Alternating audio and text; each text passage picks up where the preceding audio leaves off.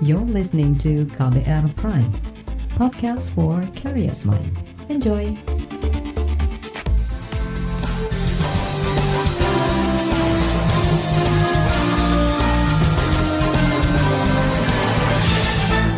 Halo selamat sore saudara, inilah KBR sore untuk hari ini edisi 20 Desember 2021. Sore ini kembali seperti biasa selama kurang lebih 30 menit ke depan, saya siap untuk menjadi teman Anda beraktivitas. Dan sore ini saya mau ajak Anda untuk membahas okupansi atau tingkat keterisian fasilitas karantina kesehatan yang semakin tinggi akibat gelombang kedatangan pelaku perjalanan dari luar negeri. Jumlah kedatangan mencapai 3 ribuan per hari. Namun pemerintah Indonesia belum berencana menutup penerbangan internasional secara keseluruhan. Lantas, seperti apa upaya pemerintah untuk mengatasi masalah penuhnya keterisian di fasilitas karantina kesehatan? Bersama saya, Reski Mesanto, inilah KBR Sore.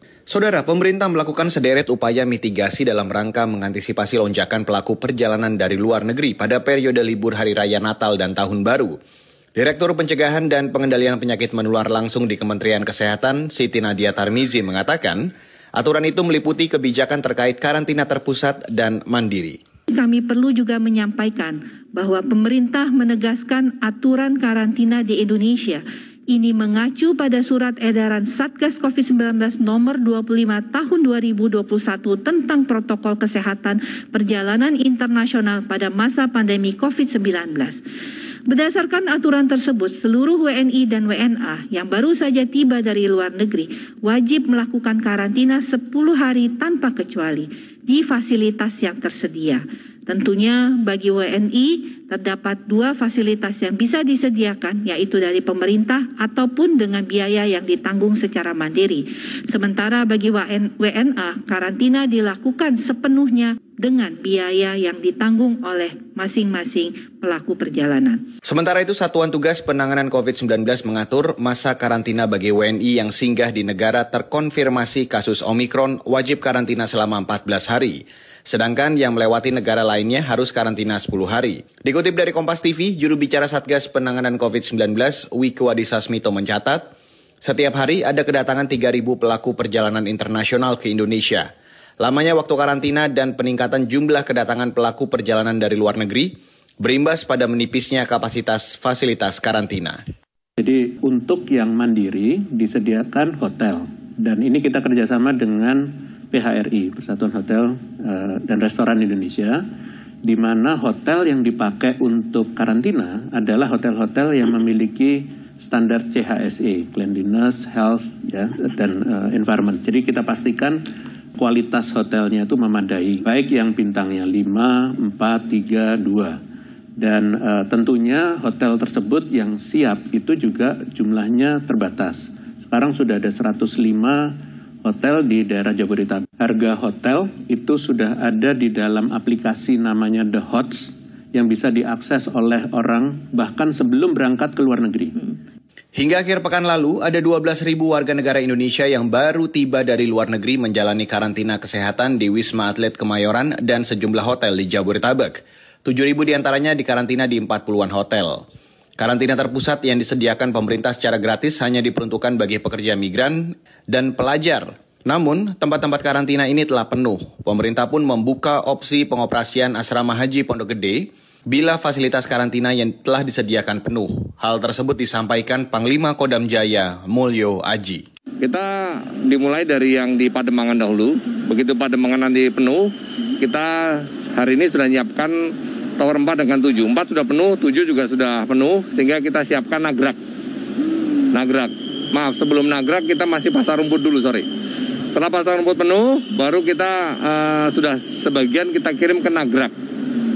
Nah, sekarang masih belum penuh, karena harapannya hari ini ada yang keluar dari Pademangan, ada yang keluar dari tower 4 dengan 7, ada yang keluar dari pasar rumput. Nah, Kemudian apabila nanti penuh, kita juga sudah siapkan sesuai dengan nanti instruksi dari Kepala BNPB bahwa kita akan menyiapkan juga uh, tempat seperti di uh, Asrama Haji Pondok Gede. Saudara itu tadi Pangdam Jaya Mulyo Aji selaku Panglima Komando Tugas Gabungan Terpadu COVID-19.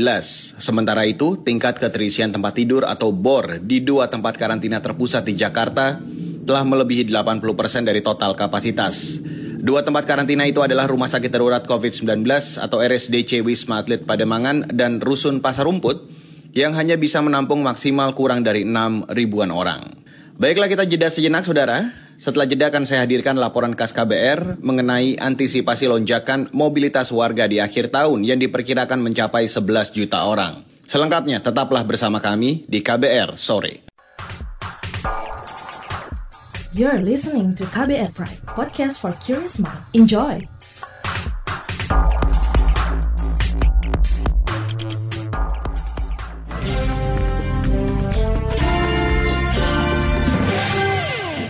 Saudara, jutaan orang diprediksi tetap akan melakukan perjalanan antar kota di akhir tahun 2021. Di sisi lain, Indonesia dituntut waspada virus COVID-19 varian Omicron yang disebut menular lebih cepat. Bolehkah masyarakat berlibur di akhir tahun? Atau sebaiknya pikir-pikir ulang? Berikut saya hadirkan laporan khas KBR yang disusun jurnalis KBR Astri Septiani. Badan Penelitian dan Pengembangan Kementerian Perhubungan belum lama ini melakukan survei terhadap 49 ribu responden secara nasional. Survei dilakukan setelah pemerintah membatalkan rencana pembatasan kegiatan masyarakat atau PPKM level 3 di akhir tahun. Hasil survei menyebutkan ada potensi sekitar 11 juta orang akan melakukan mobilitas atau perjalanan pada libur akhir tahun. Menyikapi hasil survei itu, juru bicara Kementerian Perhubungan Adita Irawati mengatakan kementeriannya akan mengantisipasi dan menerapkan aturan ketat protokol kesehatan mengantisipasi kecenderungan mobilitas masyarakat di saat Nataru yang angkanya setidaknya sudah kita bisa dapatkan dari hasil survei tadi. Secara umum, kebijakan pengendalian transportasi dilakukan terhadap semua moda transportasi, baik itu di darat, laut, udara, dan kereta api. Rencana perjalanan akhir tahun misalnya disampaikan Rumi, seorang warga Bogor yang berencana liburan ke Yogyakarta bersama teman-teman. Meski khawatir dengan ancaman varian Mikron, ia menyatakan bakal tetap berangkat karena sudah mempersiapkan tiket dan akomodasinya. Namun, dia menyebut bakal lebih ketat menjalankan protokol kesehatan tentu saja gitu mau varian uh, baru mau varian lama gitu kan sebetulnya sama covid ini masih khawatir. Kan tadinya melihat kondisi kasus di Indonesia itu sudah cukup melanda ya begitu jadi saya sama teman-teman yang memberanikan diri untuk melakukan perjalanan liburan di akhir tahun gitu. Tapi semoga tidak terjadi apa-apa. Kami juga sudah mempersiapkan kit kesehatan, terus kemudian juga alat-alat protokol kesehatan kayak masker, hand sanitizer dan lain sebagainya itu ya.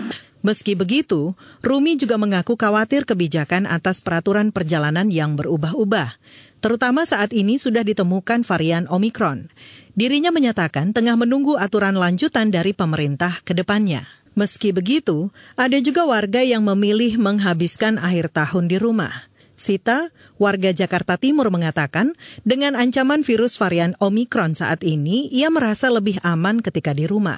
Libur akhir tahun ini sih kalau rencana liburan itu nggak ada ya, cuma paling mungkin di rumah aja sih sama keluarga. Karena kan sekarang masih pandemi ya, ditambah lagi ada varian covid yang baru. Jadi jujur lebih takut sih kalau sekarang tuh kalau mau ke mana-mana. Jujur takut kayak waktu varian delta itu yang kasusnya tinggi banget kan beberapa bulan yang lalu. Semoga lebih terkendali sih karena kan kalau aku sih jujur kemarin tuh sempat tengah kan prokesnya. Kalau sekarang mungkin harus lebih ditingkatin lagi sih Ketua Satgas COVID-19 Ikatan Dokter Indonesia IDI, Zubairi Jurban menyebut varian Omikron lebih cepat menular dibanding varian lain. Ia mewanti-wanti masyarakat agar tidak menyepelekan varian baru tersebut dan meningkatkan disiplin protokol kesehatan. Ia juga menyarankan masyarakat menunda liburan akhir tahun untuk mencegah resiko penularan COVID-19.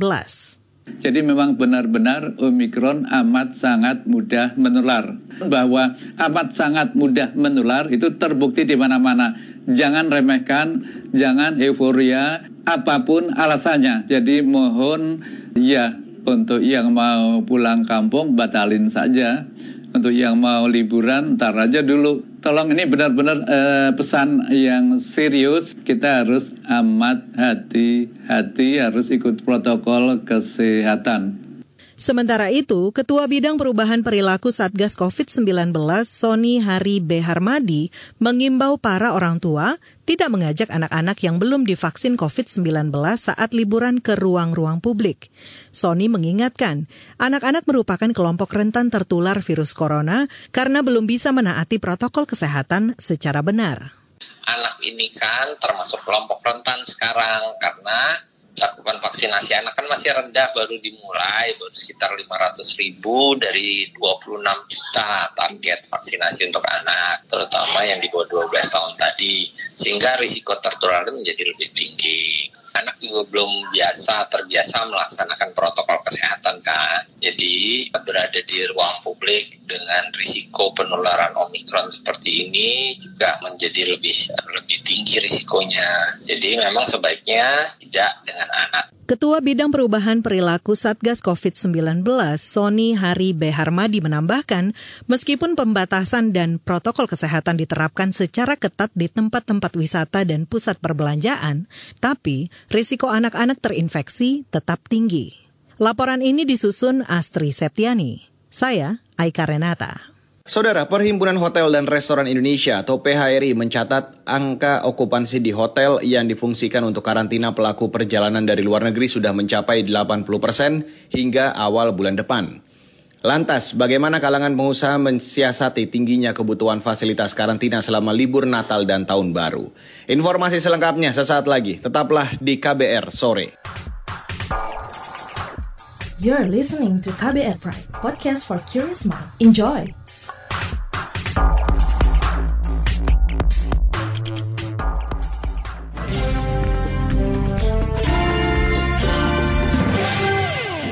Saudara, Perhimpunan Hotel dan Restoran Indonesia atau PHRI mengklaim tempat karantina yang disediakan sudah melebihi dari prediksi rata-rata kedatangan perjalanan internasional.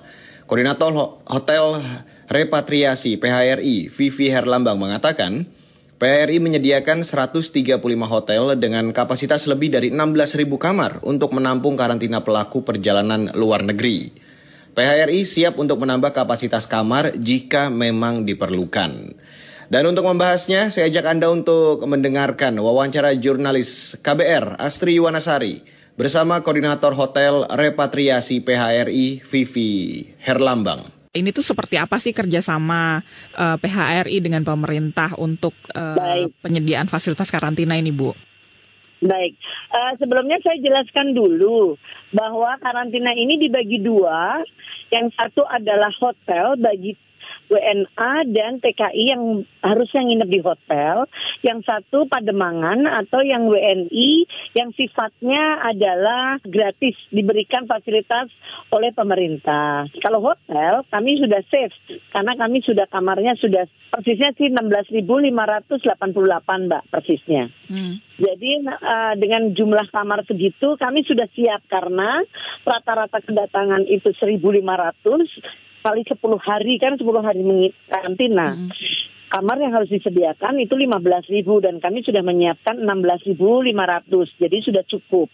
Tetapi di satu sisi adalah pademangan yang uh, free lah ya istilahnya buat uh, para PMI dan uh, mahasiswa yang dari luar yang pada pulang.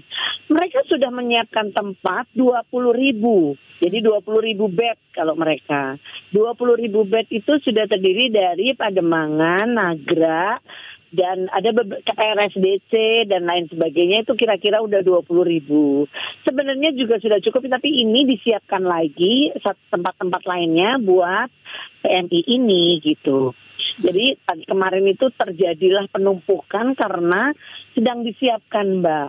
Mereka hmm. juga menyiapkan 20 ribu juga nggak gampang ya Mbak, karena 10 hari karantinanya. Oke, kan itu kan sekian sekian uh, apa belas ribu kapasitas itu uh, sekarang iya. itu posisinya seperti apa Bu? Apakah maksudnya masih available uh, berapa persen, kemudian terisi Okupansi di 80 persen Mbak. Oh, Okupansi okay. di 80 persen. Okay. Jadi memang uh, sekarang pokoknya ini akan full sampai minggu pertama bulan Januari. Hmm. Jadi saya sarankan tadi kalau mau yang ke luar negeri sekarang-sekarang ini booking dulu saja hmm. lewat uh, itu tadi karantinhoteljakarta.com. Hmm. Tapi kalau uh, melihat sekarang ini, maksudnya uh, apa namanya banyak sekali itu apa sudah ada permintaan istilahnya untuk menambah kapasitas lagi gitu bu? Uh, kami masih ada mbak. Kalau kami hotel masih ada. Hmm, Oke. Okay, kami okay. kan sudah menyiapkan 16 ribu mbak. Hmm. Sedangkan yang yang keperluannya itu 15 ribu. Kami sudah cukup. Okay. Kalau misalnya ada keperluan menambah lagi, kami pasti nambah mbak. Hmm. Pasti. Kami akan cari terus. Hmm. Mungkin minggu depan ada perubahan lagi, ada ini memang luar biasa mbak tahun ini daripada tahun lalu.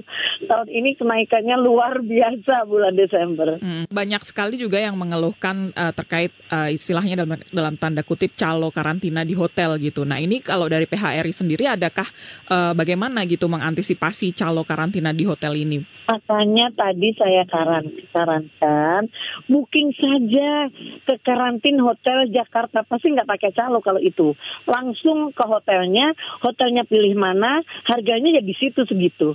Hmm. Harganya ada di hotel masing-masing. Ada yang 7 juta, ada yang 6 juta, ada yang 10 juta.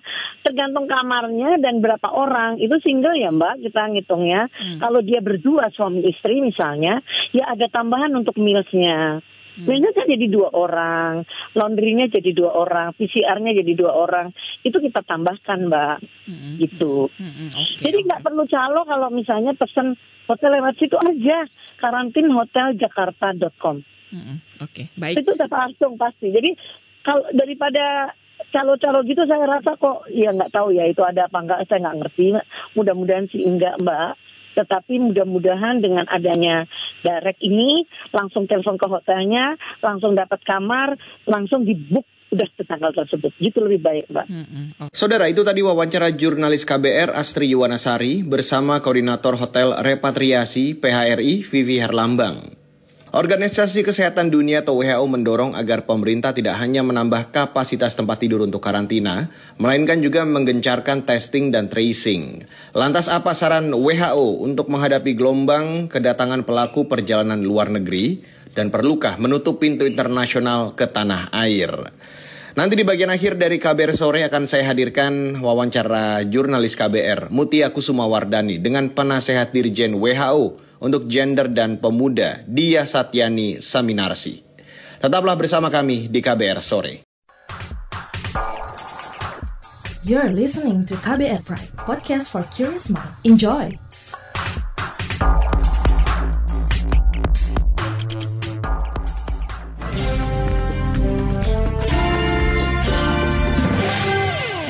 Dan inilah bagian akhir dari KBR sore. Saudara, Organisasi Kesehatan Dunia atau WHO mendorong agar pemerintah menambah fasilitas karantina kesehatan untuk pelaku perjalanan luar negeri karena tingkat keterisian fasilitas karantina yang tinggi. Penasihat Dirjen WHO untuk Gender dan Pemuda, Dia Satyani Saminarsi mengatakan, penambahan kapasitas tempat karantina harus diiringi dengan terus menggencarkan testing, tracing, dan surveillance untuk memutus penularan Omikron. Lantas apakah pemerintah perlu membatasi pelaku perjalanan internasional untuk membendung gelombang kedatangan pelaku perjalanan ke tanah air?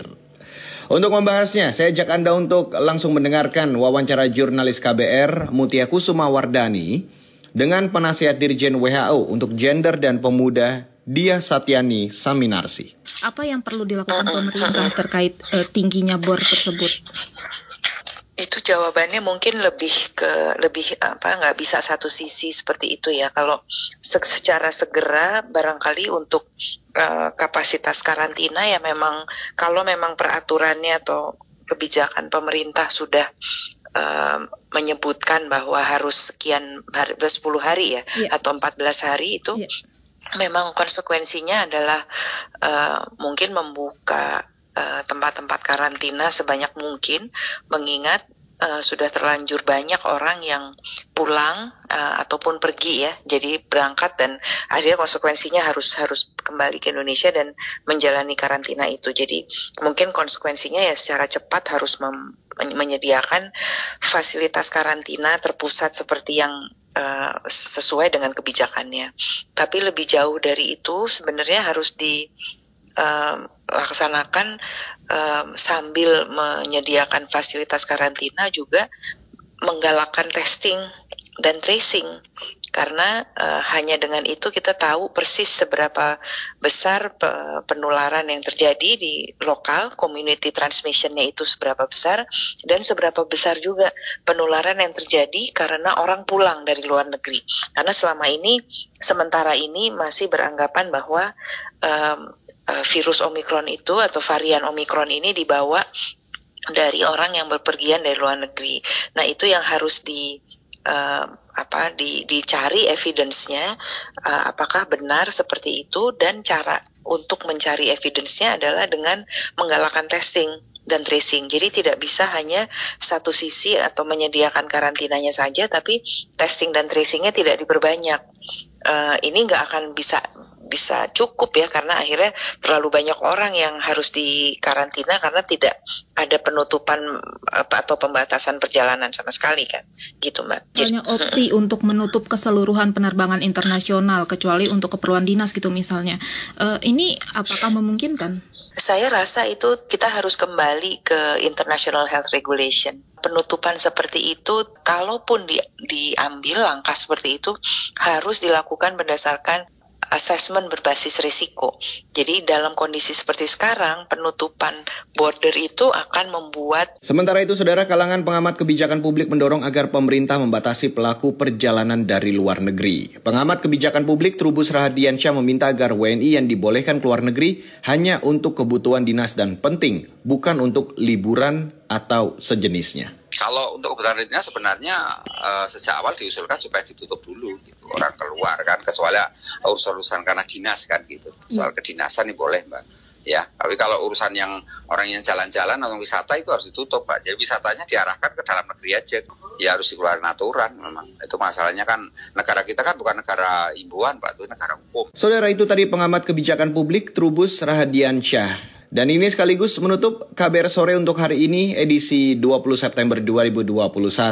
Terima kasih untuk Anda yang sudah bergabung sore hari ini dan jangan lupa untuk selalu menerapkan protokol kesehatan di mana pun Anda berada. Kurangi mobilitas Anda semaksimal mungkin, hindari kerumunan dan tetap gunakan masker bila Anda berada di ruang publik. Saya Reski Mesanto undur diri, salam.